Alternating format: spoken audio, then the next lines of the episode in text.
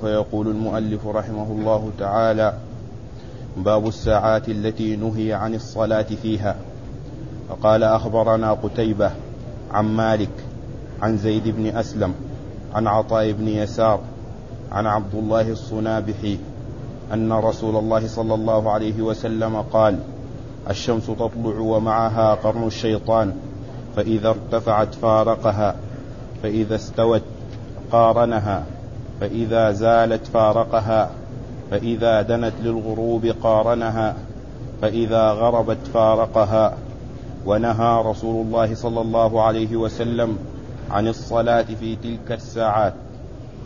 بسم الله الرحمن الرحيم. الحمد لله رب العالمين وصلى الله وسلم وبارك على عبده ورسوله نبينا محمد وعلى آله وأصحابه أجمعين أما بعد. يقول النسائي رحمه الله باب الساعات. التي نهي عن الصلاة فيها والساعات التي نهي عن الصلاة فيها يراد بها ثلاثة أوقات قصيرة وهي عند طلوع الشمس حتى ترتفع وعند قيامها حتى تزول وعند غروب وعند قربها من الغروب حتى تغرب. فهذه أوقات نهى عنها رسول الله عليه الصلاة والسلام. وجاء النهي عنها في أحاديث عن رسول الله صلى الله عليه وسلم. وقد أورد النسائي فيه آه، أحاديث منها حديث عبد الله الصنابحي أو أبو عبد الله الصنابحي الصنابحي وأن آه، النبي عليه الصلاة والسلام قال إن الشمس تطلع ومعها قرن الشيطان فإذا ارتفعت فارقها فإذا فإذا استوت, فإذا استوت.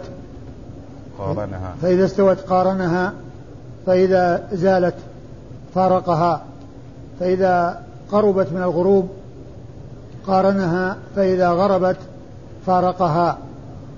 والمراد من ذلك أن الشيطان عند طلوع الشمس وعند غروبها يخرج آه، عندما تطلع وتغرب يكون قرن الشيطان ومعنى ذلك أنه آه، آه، يريد من كونه يكون عند يكون قرنه عند طلوعها أن يحصل له سجود الذين يعبدونها يعبدون الشمس ويسجدون لها يكون له لأن من الناس من يعبد الشمس.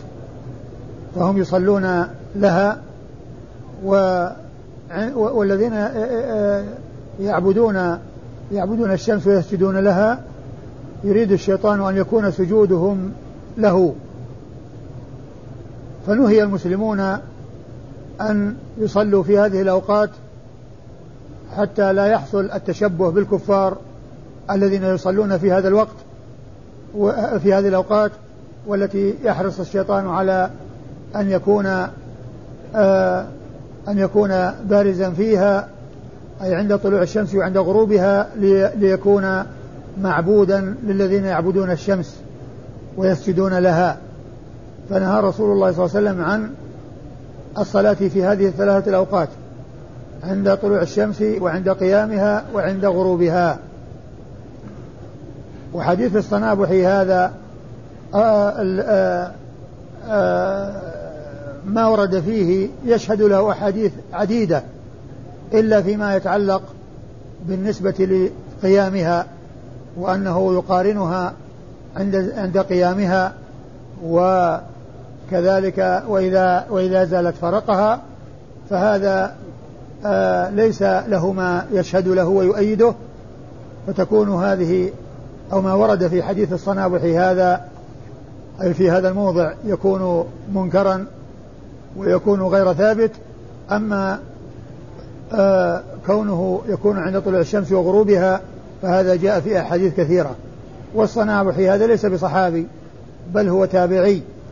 وروايته عن الرسول صلى الله عليه وسلم مرسلة لأنه ما أدرك النبي عليه الصلاة والسلام ما, ما لقيه أدرك زمنه ولكنه ما لقيه فإنه قدم إلى المدينة من اليمن ليلقى الرسول عليه الصلاة والسلام ولما كان بالجحفة وهو الموضع القريب من رابغ جاءهم أو, أو مر بهم راكب وأخبرهم بأن الرسول صلى الله عليه وسلم توفي. فواصل السير إلى المدينة ووصلها بعد وفاته بخمسة أيام. ولهذا قال بعض العلماء في ترجمته كاد أن يكون صحابيا. كاد أن يكون صحابيا. ليس بينه وبين الصحبة إلا شيء يسير. توفي رسول الله صلى الله عليه وسلم وهو بالجحفة في طريقه إلى المدينة فلم يحصل له هذا الشرف ولم يظفر بهذا الشرف الذي هو صحبة الرسول صلى الله عليه وسلم. ولهذا فهو من كبار التابعين. فهو من كبار التابعين. وروايته عن الرسول صلى الله عليه وسلم مرسلة وهذا مرسل. فإذا هذا الذي ورد فيما يتعلق بكون الشيطان يقارن آه، الشمس عند طلوعها عند عند قيامها. هذا ما جاء في أحاديث أخرى. والذي آه، عند طلوع الشمس وغروبها هذا ثابت في أحاديث عديدة. فيكون ما جاء عند طلوع الشمس وعند غروبها هذا له ما يشهد له ويكون هذا المقدار منه صحيح. وما كان آه، عند قيام الشمس وليس له ما يؤيده والراوي مرسل وليس صحابيا فإنه يكون ذلك يكون هذا غير ثابت. وقد نبه على هذا الشيخ ناصر الدين الألباني في ضعيف سنن النسائي فإن أنه قال إن الحديث صحيح ما عدا آه، ما جاء من المقارنة عند استواء الشمس فإن هذا هو الذي آه، ليس له ما يؤيده. وأما إسناد الحديث فيقول النسائي أخبرنا قتيبة. أخبرنا قتيبة. قتيبة هو ابن سعيد ابن جميل بن طريف البغلاني وهو ثقة حديثه عند أصحاب الكتب الستة. عن مالك وهو ابن أنس إمام دار الهجرة المحدث الفقيه الإمام المشهور صاحب المذهب المعروف أحد الأئمة الأربعة رحمة الله عليه وحديثه عند أصحاب الكتب الستة. عن زيد بن أسلم العدوي المدني وهو ثقة حديثه عند أصحاب الكتب الستة. عن عطاء بن يسار الهلالي مولى ميمونة رضي الله تعالى عنها وهو ثقة فاضل وحديثه عند أصحاب الكتب الستة. عن عبد الله الصنابحي, الصنابحي وعبد الله الصنابحي هو ليس اسمه عبد الله وإنما اسمه عبد الرحمن وهو أبو عبد الله. أبو عبد الله. وبعض ويأتي في بعض الروايات بلفظ عبد الله. وهو ليس اسمه عبد الله وإنما اسمه عبد الرحمن بن عسيلة. وكنيته أبو عبد الله. وقد جاء هذا الحديث عند ابن ماجه. و آه وذكره بلفظ أبي عبد الله الصنابحي. في سنن ابن ماجه بلفظ أبي عبد الله الصنابحي. وليس فيه رجل يقال له عبد الله الصنابحي. ليس هناك من الرواة من يسمى عبد الله الصنابحي وإنما هو عبد الرحمن بن عسيلة الصنابحي كنيته أبو عبد الله وهو من كبار التابعين ورمز الحافظ في التقريب أنه من رجال آه، الكتب الستة قال أخبرنا سويد بن نصر قال حدثنا عبد الله عن موسى بن علي. ها؟ عن موسى بن علي. عن موسى بن علي بن رباح قال سمعت أبي يقول سمعت عقبة بن عامر الجهني يقول ثلاث ساعات كان رسول الله صلى الله عليه وسلم ينهانا أن نصلي فيهن أو أن نقبر فيهن موتانا. حين تطلع الشمس بازقة حتى ترتفع وحين يقوم قائم الظهيرة حتى تميل. وحين تتضي تضيف الشمس للغروب حتى تغرب. ثم ورد النسائي حديث عقبة بن عامر الجهني رضي الله تعالى عنه أنه قال ثلاث ساعات نهانا رسول الله صلى الله عليه وسلم أن نصلي فيهن أو أن نقبر فيهن موتانا عندما تطلع الشمس حتى ترتفع وعندما يقوم قائم الظهيرة حتى تزول وعندما تضيف للغروب حتى تغرب.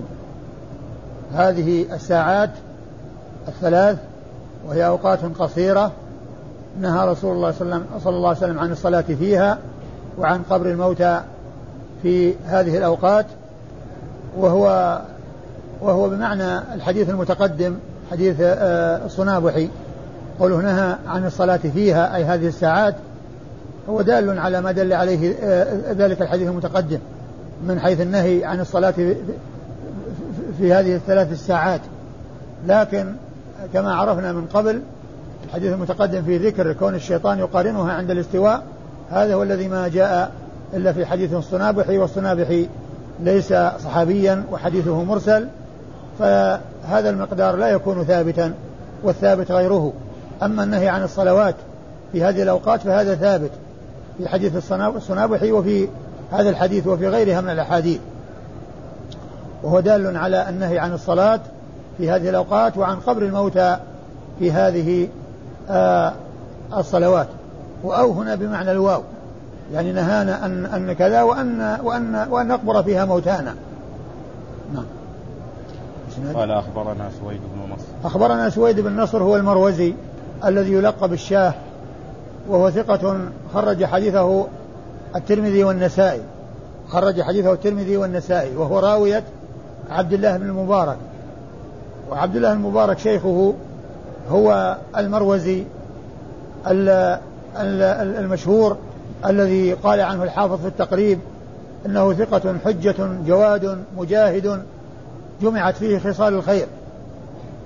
وحديثه أخرجه أصحاب الكتب الستة. عن عن موسى بن علي بن عن موسى بن علي بن رباح. موسى بن علي بن رباح اللخمي وهو صدوق ربما أخطأ وقد خرج حديثه البخاري في الأدب المفرد ومسلم وأصحاب السنة الأربعة. يروي عن أبيه علي وهو بضم العين تصغير علي. قيل وكان يغضب منها يعني أن يقال له علي. وهذا هو المشهور فيه. و وهو ثقة. خرج حديثه البخاري في الأدب المفرد ومسلم وأصحاب السنة الأربعة يعني كابنه كابنه الرواة عنه وعن ابنه سواء. كل منهما روى عنه البخاري في الأدب المفرد ومسلم وأصحاب السنن الأربعة. والابن صدوق ربما أخطأ والأب ثقة الذي هو علي ابن رباح اللخمي. قال يقول سمعت عقبة بن عامر نعم. الجهني. عقبة بن عامر الجهني. يعني قال سمعت عقبة بن عامر الجهني وهو صحابي جليل مشهور خرج حديثه أصحاب الكتب الستة رضي الله تعالى عنه وأرضاه. باب النهي عن الصلاة بعد الصبح. قال أخبرنا قتيبة عن مالك عن محمد بن يحيى بن حبان عن الأعرج عن أبي هريرة رضي الله عنه أن النبي صلى الله عليه وسلم نهى عن الصلاة بعد العصر حتى تغرب الشمس وعن الصلاة بعد الصبح حتى تطلع الشمس. ثم ورد النسائي هذه الترجمة وهي باب النهي عن الصلاة بعد الفجر. وقد أورد النسائي فيه آه، حديث آه، أبي هريرة. رضي الله تعالى عنه نهى رسول, رسول الله رسول الله صلى الله عليه وسلم عن الصلاة بعد الفجر حتى تطلع الشمس وبعد العصر حتى تغرب الشمس. و الحديث يدل على أن هذين الوقتين وقت نهي وهما وقتان طويلان وقتان طويلان. لأنه من طلوع الفجر من صلاة الفجر إلى طلوع الشمس ومن صلاة العصر إلى غروب الشمس. فهما وقتان طويلان.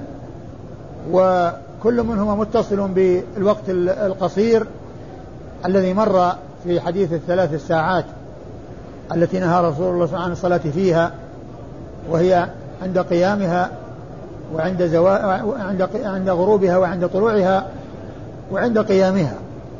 فإن هذين الوقتين متصلين بالغروب ومتصلين بالطلوع. أحدهما متصل بالطلوع والثاني متصل بالغروب. وهما وقتان طويلان نهى رسول الله عن الصلاة في هذه أو في هذين الوقتين الطويلين. عن إيش؟ قال أخبرنا قتيبة عن مالك. أخبرنا قتيبة عن مالك. وقد مر ذكرهما قريبا عن عن محمد بن يحيى بن عن محمد بن يحيى بن حبان بن منقذ بن حبان بفتح الحاء وهو ثقة فقيه خرج له أصحاب الكتب الستة. عن؟ عن الأعرج. عن الأعرج وهو عبد الرحمن بن هرمز. عبد الرحمن بن هرمز وهو ثقة خرج حديثه أصحاب الكتب الستة. عن أبي هريرة رضي الله عنه صاحب رسول الله عليه الصلاة والسلام وأكثر وأحد السبعة المكثرين من رواية حديث رسول الله صلى الله عليه وسلم. بل هو أكثر السبعة حديثا على الإطلاق. إذ لم يروى عن صحابي من الحديث مقدار أو قريبا مما روي عن أبي هريرة رضي الله تعالى عنه. وهذا الإسناد رجاله خرج لهم أصحاب الكتب الستة قتيبة ومالك ومحمد بن يحيى بن حبان بن منقذ والأعرج أبو هريرة. هؤلاء الخمسة كلهم حديثهم عند أصحاب الكتب الستة. وقال أخبرنا أحمد بن منيع قال حدثنا هشيم قال حدثنا منصور عن قتادة قال حدثنا أبو العالية عن ابن عباس رضي الله عنهما أنه قال سمعت غير واحد من أصحاب النبي صلى الله عليه وسلم منهم عمر وكان من أحبهم إلي أن رسول الله صلى الله عليه وسلم نهى عن الصلاة بعد الفجر حتى تطلع الشمس وعن الصلاة بعد العصر حتى تغرب الشمس. ثم ورد النسائي حديث عبد الله بن عباس الذي يرويه عن جماعة من أصحاب رسول الله عليه الصلاة والسلام منهم عمر بن الخطاب رضي الله عنه وهو من أحبهم إليه فهو حديث عمر هو يعتبر آه، من مسند عمر ويرويه عنه ابن عباس كما يرويه عن غيره من الصحابة. وهذا فيه رواية الصحابة عن الصحابة. والحديث بمعنى الحديث المتقدم النهي عن الصلاة بعد الفجر حتى تطلع الشمس وبعد العصر حتى تغرب الشمس. وإسناده أخبرنا أحمد بن منيع وهو ثقة حافظ خرج له أصحاب الكتب الستة. عن هشيم بن هشيم وهو ابن بشير الواسطي وهو ثقة آه كثير التدليس والإرسال الخفي. كثير التدليس والإرسال الخفي. والتدليس هو رواية الراوي عن شيخه ما لم يسمعه منه بلفظ موهم من السماع. هذا هو التدليس. أن يروي الراوي عن شيخه ما لم يسمعه من شيخه بلفظ موهم السماع. كعن أو قال. أما الإرسال المرسل الخفي فهو أن رواية آه، الراوي عن من عاصره ولم يعرف أنه لقيه لأنه مرسل ولكنه مرسل خفي لأنه معاصر للراوي عنه. فيظن أنه قد سمعه للمعاصرة. أما إذا كان لم يعاصره فالإرسال واضح لأنه ما أدرك زمانه فالإرسال هذا جلي وواضح. أما الإرسال الخفي أن يروي عن من عاصره ما ولم يلقه. أن يروي عن من عاصره ولم يلقه فقيل له إرسال خفي لأنه ليس بواضح لأنه مدرك لزمانه والزمن وعصرهما واحد إلا أنه ما لقيه إلا أنه ما لقيه. فهشام بن بشير كثير التدليس والإرسال الخفي يعني أنه يروي عن شيوخه ما لم يسمعه منهم ويروي عن من عاصروه ويروي عن من عاصروه وهذا هو كما ذكرت الإرسال الخفي وهو وحديثه عند أصحاب الكتب الستة هشيم بن بشير. هشيم بن بشير خرج حديثه أصحاب الكتب الستة. عن قال حدثنا منصور. حدثنا منصور وهو من المعتمر وهو ثقة حديثه عند أصحاب الكتب الستة. عن عن قتادة. عن قتادة وهو ابن دعامة السدوسي وهو ثقة حديثه أيضا عند أصحاب الكتب الستة وهو مدلس معروف بالتدليس. عن أبي العالية وهو نفيع بن مهران الرياحي وهو ثقة كثير الإرسال وحديثه عند أصحاب الكتب هو رفيع مش نفيع. رفيع آه ابن مهران الرياحي حديثه عند أصحاب الكتب الستة وهو كثير الإرسال. أيوه. عن ابن عباس. عن ابن عباس صاحب رسول الله صلى الله عليه وسلم وابن عمه وأحد السبعة المكثرين من رواية حديث رسول الله عليه الصلاة والسلام الذين زادت أحاديثهم على ألف حديث وهو من صغار الصحابة. وهو يروي عن الصحابة ويروي عن رسول الله صلى الله عليه وسلم مباشرة وكما ذكرت حديثه زادت على ألف حديث ولكن كثير من روايته عن أصحاب رسول الله عليه الصلاة والسلام ومن المعلوم أن روايته عن رواية الصحابي عن الصحابي أنها عمدة وحجة ومعتبرة لأن آه، آه، رواية الرسول عن رواية التابع رواية. آه، ابن عباس عن الرسول صلى الله عليه وسلم منها ما هو رواية عنه مباشرة ومنها ما هو رواية عنه بواسطة ولم تذكر الواسطة ولكن مرسل الصحابي معتبر وحجة لأنهم لا يأخذون غالبا إلا عن الصحابة رضي الله تعالى عنهم وأرضاهم وهو هنا يروي عن الرسول صلى الله عليه وسلم بواسطة جماعة من الصحابة منهم عمر وقال وكان من أحبهم إلي وعمر بن الخطاب رضي الله تعالى عنه وأرضاه هو آه الخليفة الراشد أبو حفص عمر بن الخطاب الفاروق آه المناقب الكثيرة وفضائله مشهورة وهو أحد الخلفاء الراشدين الهادين المهديين وأحد العشرة المبشرين بالجنة. الذين سردهم رسول الله صلى الله عليه وسلم في حديث واحد وقد أخبره بأنه رأى قصرا في الجنة وسئل وسأل عنه لمن فقيل هذا لعمر بن الخطاب ومناقبه جمة وفضائله كثيرة ومن مناقبه رضي الله تعالى عنه وأرضاه أن النبي عليه الصلاة والسلام قال ما سلكت فجا إلا وسلك الشيطان فجا غير فجك. لا يجتمع عمر والشيطان في طريق واحد. فإذا كان عمر في الطريق هرب الشيطان من ذلك الطريق الذي في عمر. ما سلكت فجا إلا وسلك الشيطان فجا غير فجك.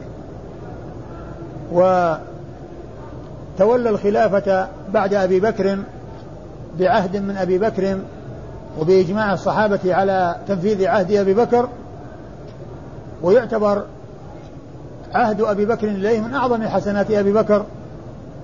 ومن أعظم ما أسداه إلى المسلمين من الخير وقد حصل في خلافته النفع العظيم وانتشار الفتوح ومكث سنة عشر سنوات وأشهرا حصل فيها اتساع البلاد الإسلامية ودخول الناس في دين الله عز وجل بل قضي على الدولتين الكبيرتين في ذلك الزمان وهي دولة فارس والروم.